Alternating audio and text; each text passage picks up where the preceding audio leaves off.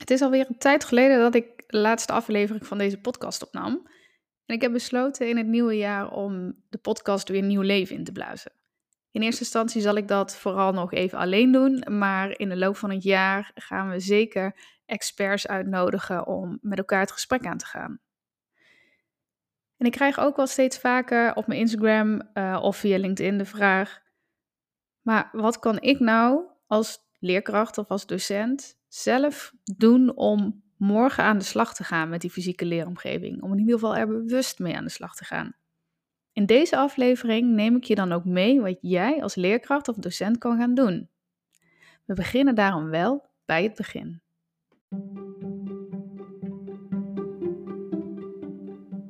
Wat leuk dat je luistert naar de podcast van Lot to Learn. Ik ben Lotte en ik neem je mee in deze podcast naar alles wat jij moet weten over de fysieke leeromgeving. Dit om studenten en leerlingen nog beter tot leren te laten komen. Want mijn missie is om iedereen in het onderwijs bewust te maken van de impact die de rijke leeromgeving kan hebben op onze studenten en leerlingen. Want hoe kan jij eigenlijk je lokaal inzetten als instrument? Luister mee. En als je meer wil weten, neem dan een kijkje op de website lottolearn.nl of volg mij op Instagram. Ik hoop dat ik je kan inspireren zodat jij morgen aan de slag kan gaan met jouw leeromgeving.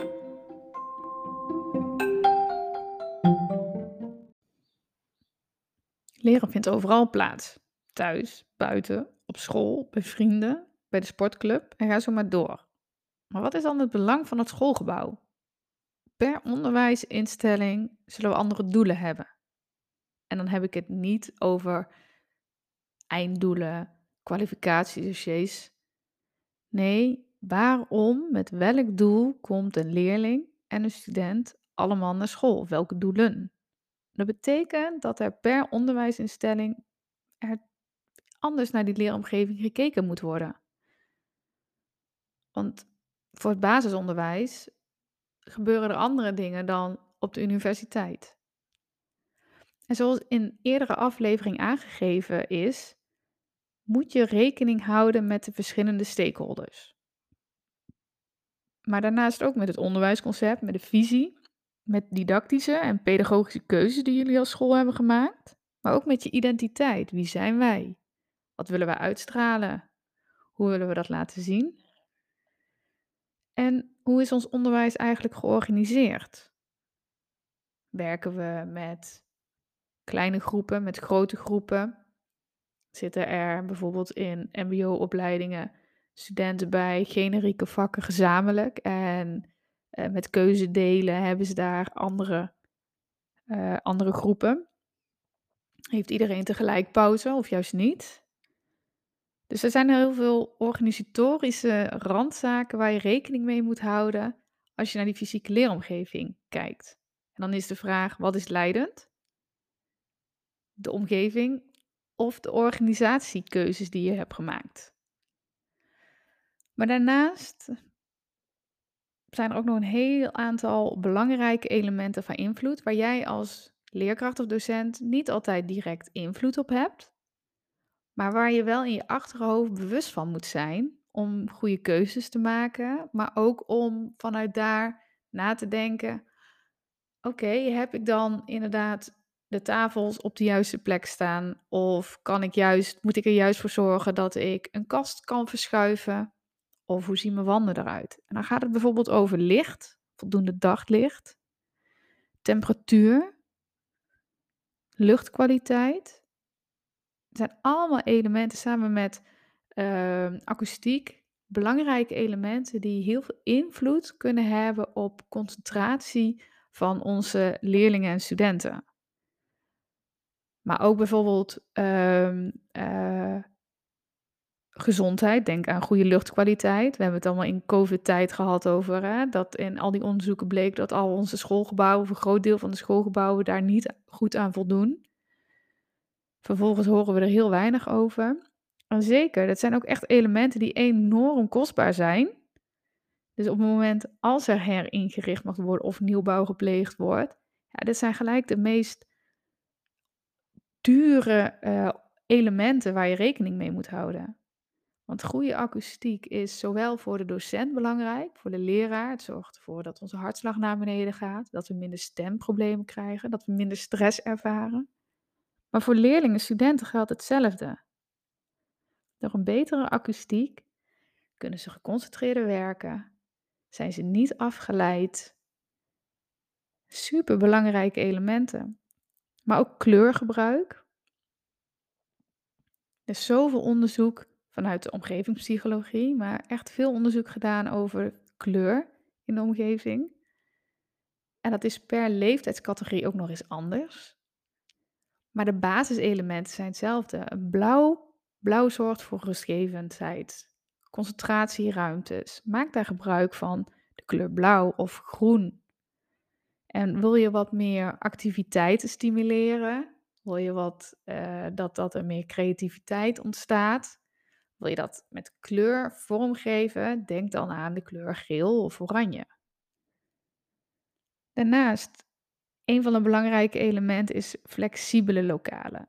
Zorg, flexibele lokalen zorgen ervoor, en meubels daarvan, zorgen ervoor dat er meerdere vormen van leren mogelijk zijn. Maar ook herkenbaarheid. Kinderen leren nou eenmaal beter in lokalen of in ruimtes die herkenbaar zijn. Wat wordt er van mij verwacht? Maar ook dat ze persoonlijk zijn. Dat het voelt dat het van, ook van hun is. Maar ook comfortabel en dat het ergonomisch meubels kloppend zijn. Ik hoor heel vaak, ja, dan zetten we, we willen dat ze actief zijn, dan zetten we ze op een, uh, op een houten kruk. En dan vraag ik, ja, waarom zou je dat doen? Ja, dan blijven ze geconcentreerder en wakkerder. Want dan zitten ze niet zo lekker. Ja, dat blijkt dus niet zo te zijn. Het blijkt juist te zijn dat een goede, comfortabele stoel juist zorgt voor meer concentratie. En het liefst er ook nog een klein beetje beweging in zit. Want ja, van nature bewegen we gewoon. En op stukken stoelen zorgt het juist voor dat we niet kunnen bewegen. Dus dan gaan we vaak uh, of, je op twee poten zitten. Of achterstevoren zitten. Waardoor het afleidend voor jou als leerkracht, docent is, maar ook voor hun klasgenoten, studiegenoten. Dus een beetje beweging in de stoel is helemaal niet erg. En dat betekent niet dat er in één keer 30 wiebelkrukken in een lokaal moeten gaan staan. Want dat is natuurlijk ook weer de andere kant. Want niet voor iedereen werkt heel erg wiebelen. Sommigen willen gewoon een beetje. Maar zorg dus voor afwisseling. En voor een afgewogen stimulatie. Want er is in veel lokalen, vooral in het basisonderwijs, vaak een overstimulatie.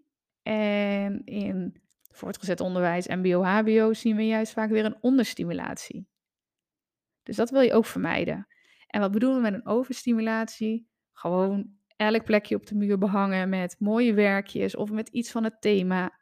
Uit onderzoek blijkt dat het ontzettend goed is als er echt 20, 25 procent van de muur in het basisonderwijs gewoon leeg is. Waar rustplekken zijn. Waar gefocust, wat, wat weer meer focus concentreert. Maar ook dat alles wat je ophangt een doel moet hebben en ondersteunend moet zijn. En niet het doel, ja, want het hoort bij ons thema. Waaruit blijkt dat het ondersteunende middelen zijn. Ja, want ik wil uh, dat de werkjes van de kinderen in het zicht hangen. Super belangrijk, want je wil ook dat stukje personaliseren. Maar kijk dan of dat op één plek kan, of dat daar een combinatie van kan zijn van een gezamenlijke wand buiten het lokaal, waar iedereen het ziet, maar niet elk hoekje maar vol hangen. Maar we hebben het dan over een stukje kleur, we hebben het dus over uh, het stukje herkenbaarheid, over stimulatie. Kleurgebruik enorm belangrijk ook. Dat je daar goed over nadenkt. Dus al die elementen, daar moet je bewust van zijn dat dat invloed heeft. En nee, jij kan niet in één keer allemaal nieuwe meubels gaan aanschaffen. Maar kijk dan met wat er wel is en hoe je dat dan kan inzetten. Of dat je misschien mooi kan wisselen met andere, andere collega's. Dat die zeggen, oh, maar ik heb hier nog wel een, eh, wat hogere tafel. Bij de, uh, bij de kinderen van, uh, mijn kinderen die uh, zitten op een basisschool. En daar hebben ze in groep 3 twee ronde tafels staan. Daar staan wiebelkrukken omheen. Daar hebben ze mooi, daar hebben ze volgens mij acht of tien wiebelkrukken. Daar hebben ze zich allemaal moeten inschrijven voor welke dag ze op een wiebelkruk mogen zitten, want anders is het degene die als eerst binnen zit, zit op de wiebelkruk. Dus daar hebben ze wel een heel leuk systeem van gemaakt. Ehm, dan hebben ze twee of drie grotere picknickbanken met aan één kant een vaste bank en aan de andere kant losse stoeltjes. En twee halfhoge tafels met krukken die eronder kunnen, maar waar ze eh, om te kunnen staan. Want we zien ook gewoon echt dat kinderen van 6, 7, 8 gewoon ook heel graag af en toe willen staan. En ze hebben geen eigen laadjes. En daar ben ik ontzettend groot voorstander van, want daardoor dwing je leerlingen veel meer te bewegen. Bij start van, uh, van, uh, van het werk uh, staan op tafel gewoon bakjes met de pennen of de potloden die ze gaan gebruiken. Maar ze hebben ook allemaal een eigen bakje. En als ze iets nodig hebben, moeten ze dus eerst nadenken: oké, wat heb ik nodig? Wat pak ik uit mijn bakje in de kast? En vanuit daar worden ze dus gedwongen om te lopen naar een plekje te gaan waar ze graag op dat moment willen zitten. En dat zal dus de ene zeggen van nou, ik wil aan de ronde tafel zitten, de andere wil graag aan de, op de bank zitten, op de picknicktafel. En bij een instructie komt iedereen op de picknickbanken zitten. Om goed te luisteren naar de instructie en vanuit daar waaieren ze dus uit naar het plekje waar ze prettig willen werken. Dus hier zie je al in groep 3 een mix van verschillende flexibele meubels. Er wordt goed nagedacht over wat gebruik ik en hoe gebruik ik het. En leerlingen worden gestimuleerd om in ieder geval in beweging te zijn. Want we zien in de afgelopen decennia dat er dus een verschuiving plaats heeft gevonden van docentgecentreerd onderwijs naar meer studentgericht onderwijs. En dat vraagt dus echt iets van de rol van de docent, want die is gewoon al eenmaal veranderd in de afgelopen jaren. We vragen andere vaardigheden, we zetten andere onderwijsvormen in. En dit vraagt dus ook om een andere didactiek en om een andere manier van het lokaal gebruik. De didactiek die gekozen is, heeft eenmaal effect op de inrichting van de onderwijsruimtes. Het lokaal moet gezien worden als instrument om gewenst gedrag te stimuleren. En de ruimte in het lokaal moet eigenlijk dus ontworpen zijn om dit soort vormen van leren te bevorderen en te ondersteunen. De opstelling van de meubels moet eigenlijk de onderwijspraktijk van deze tijd weerspiegelen. Het moet alles zeggen van dit is wat we van jou verwachten. Het ontwerp en de opstelling van de ruimtes en het meubilair, en het meubilair zijn factoren die eigenlijk de onderwijsdoelen van jou als docent, leerkracht en die van de leerling en studenten ondersteunen. En dit werd al onderzocht in 1987 door Gump. Dus eigenlijk ook al een oud onderzoek. En toch zien we heel veel busopstellingen. Van basisonderwijs tot en met HBO, universiteit, waar we natuurlijk vooral de collegezalen kennen. Er uh, vindt trouwens wel even een kleine side note veel veranderingen plaats. De fysieke ruimte van de, hè, van een leeromgeving communiceert dus eigenlijk aan de studenten een boodschap. Van wat jij als docent, leerkracht verwacht op die dag. Of wat een leerling, student kan verwachten van jou. Want wat vraagt jouw huidige opstelling van het gedrag van studenten? Loop dat lokaal binnen, kijk om je heen en stel jezelf de vraag: welke activiteit wordt er van een leerling of een student verwacht en wat is mijn rol hierin? En kijk dan of dat nog passend is. En uit eerder onderzoek is dus ook echt gebleken dat um, gedrag invloed heeft op de dichtheid, of juist niet, van, uh, uh, van de dichtheid van een lokaal en de hoeveelheid leerlingen of studenten. Want bij hoge dichtheid vindt er meer agressie, vijandigheid, meer beweging en meer afleiding plaats bij leerlingen. Dit is een onderzoek uit 1994 en dat is wel basisonderwijs. En uiteindelijk waren er dus veel minder sociale interacties bij die hoge dichtheid. En kinderen die in een lokaal zaten met een lage dichtheid, oh, met een veel lagere dichtheid, daar kwam juist een grotere samenwerking, grotere participatie plaats en een positieve houding van de leerlingen naar de leerkrachten toe. En een groter gevoel van vriendschap en uiteindelijk hogere leerprestaties. Maar ja, hoe creëer jij nou een betere leeromgeving? Denk dus goed na over die indeling van je klas en hoe deze het leren van de leerlingen en studenten kan ondersteunen. Is er een betere manier misschien om de tafels neer te zetten? Of zouden het plaatsen van halve cirkels of een uuropstelling, of juist leerlingen tegenover elkaar, meer betrokkenheid en samenwerking creëren? Wees gewoon niet bang om gewoon eens wat te gaan proberen. Stimuleer leerlingen om deel uit te maken van dit proces. Stel ze voldoende vragen. Wat vinden zij nou belangrijk? Waar hebben zij behoefte aan? Wat missen ze misschien in de omgeving of wat vinden ze juist heel prettig werken?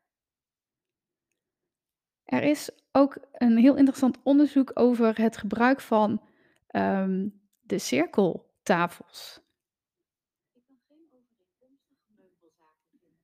Het grappige is, dus begint mijn Siri te praten. het grappige is, is dat, of grappig, wat ik interessant vind aan, aan dat onderzoek is, is dat de kringtafel um, uiteindelijk studenten veel meer vragen liet zetten. Dus bij het inzetten van een kringtafel waren de leerlingen, studenten, uh, wat taakgerichter en werden er meer vragen gesteld. Is het interessant? Waarom worden er meer vragen in een ronde of in een cirkelvormige opstelling gesteld dan dat studenten in een rij zitten? Maar er werd ook veel meer verantwoordelijkheid gevoeld bij studenten bij het afwisselen van verschillende tafelsettingen. Zowel hoge tafels als lage tafels, ronde tafels, clustervorming van tafels. Dus studenten, leerlingen voelden zich dus veel meer verantwoordelijk voor hun leerproces. Maar ook bijvoorbeeld het stimuleren van discussie of het werken in kleine groepen zorgt juist voor dat leerlingen, studenten veel actiever met elkaar in gesprek gaan.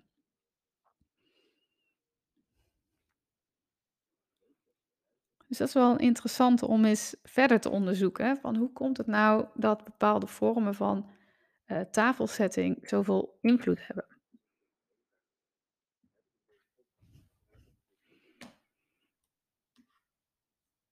Wat wel goed is om na te denken, van waar kan jij dan nog meer invloed op hebben, is, is het nadenken over het gebruik van sfeer in je lokaal. Hoe zien je wanden eruit? Hoe kunnen we die wanden juist inzetten ter ondersteuning, dus kleurgebruik, maar ook het ophangen van materialen bijvoorbeeld. Zijn ze ondersteunend of heb je ze opgehangen omdat jij het zo leuk vindt? Soms kom ik in klassen waar nog steeds uh, welkom in het nieuwe jaar hangt.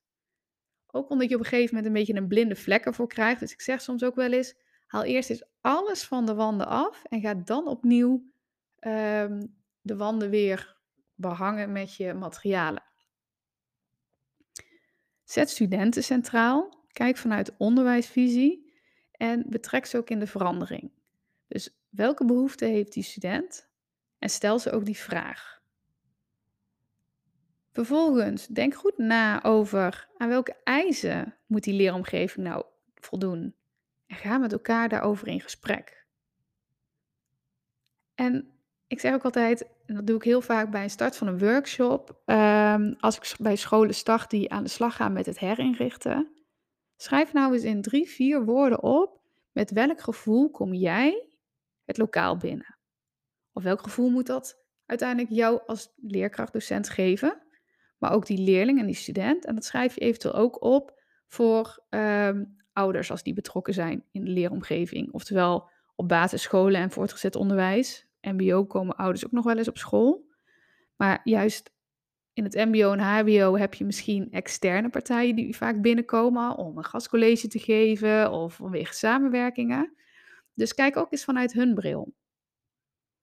Welk gevoel moeten zij krijgen als zij bij jullie binnenkomen, of het nou gaat over de entree of over het klaslokaal?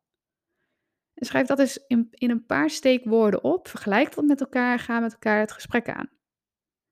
Creëer kleine bubbels waar verschillende leeractiviteiten kunnen plaatsvinden. En dat is misschien in het voortgezet onderwijs, eh, MBO en HBO, misschien wat makkelijker eh, vorm te geven. ik zeg nou in deze rij van lokalen, daar werken we met deze vaste opstelling, omdat daar eigenlijk alleen maar samenwerken plaatsvindt, omdat daar heel veel projectonderwijs uh, is. En daartegenover zitten, uh, zitten vooral de wat klassiekere lessen, zeg maar meer het kennisoverdracht en het zelfstandig werken. En zorg dat je roosterzaken daarbij betrekt. Zodat als een student bij dat ene lokaal binnenkomt, ook altijd weet, oh ja, we gaan vandaag uh, project werken. Denk ook na welke materialen er nodig zijn. En dat is dus materiaal wat je op kan hangen, maar ook materiaal wat een leerling of student moet pakken of moet gaan halen. Wissel dus af met opstellingen en zet het vooral in als energizer. Dus zweet op de juiste rug. Dus laat leerlingen en studenten de tafels mee goed zetten. En denk goed na over welke hulpmiddelen of faciliteiten er nodig moet zijn voor de leerlingen en studenten om uiteindelijk uh, hun onderwijs goed te kunnen volgen. En evalueer.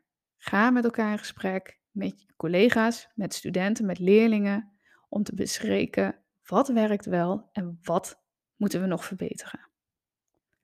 Kleine tips om in ieder geval morgen aan de slag te kunnen gaan. Ben bewust van de elementen. Ga eens met een schone lei beginnen. Kijk eens gewoon kritisch naar je eigen lokaal. En zorg ervoor dat dat lokaal ondersteunend kan zijn. En ook al deel je je lokaal, omdat jullie met veel meer collega's gebruik maken, ga dan eens een keer met elkaar het gesprek aan over wat jullie en de leerlingen studenten nodig hebben om beter tot leren te kunnen komen door middel van het inzetten van die fysieke leeromgeving.